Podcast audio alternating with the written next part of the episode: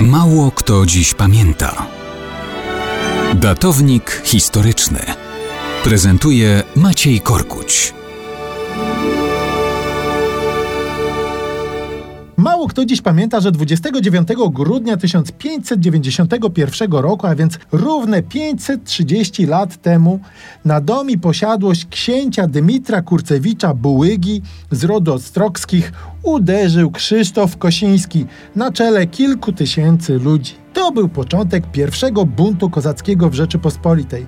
Kosiński był polskim szlachcicem, który na ziemiach ukrainnych zdobył spory mir wśród kozaków. W 1590 roku za służbę Rzeczypospolitej otrzymał od króla wieś Rokitno.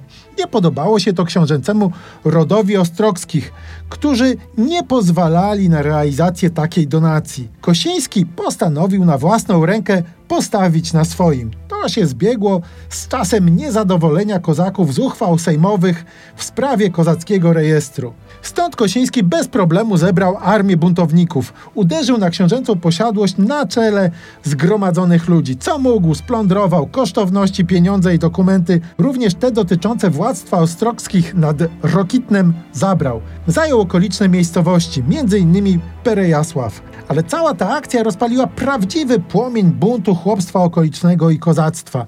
Przez cały rok 1592 trwają rozruchy na ziemiach naddnieprzańskich, aż po Wołyń. Kosiński ogłasza się kozackim hetmanem. Mnożą się napady na dwory, szczególnie na te należące do znienawidzonych przez Kosińskiego Ostrockich. Król patrzy na to jak na spór prywatny.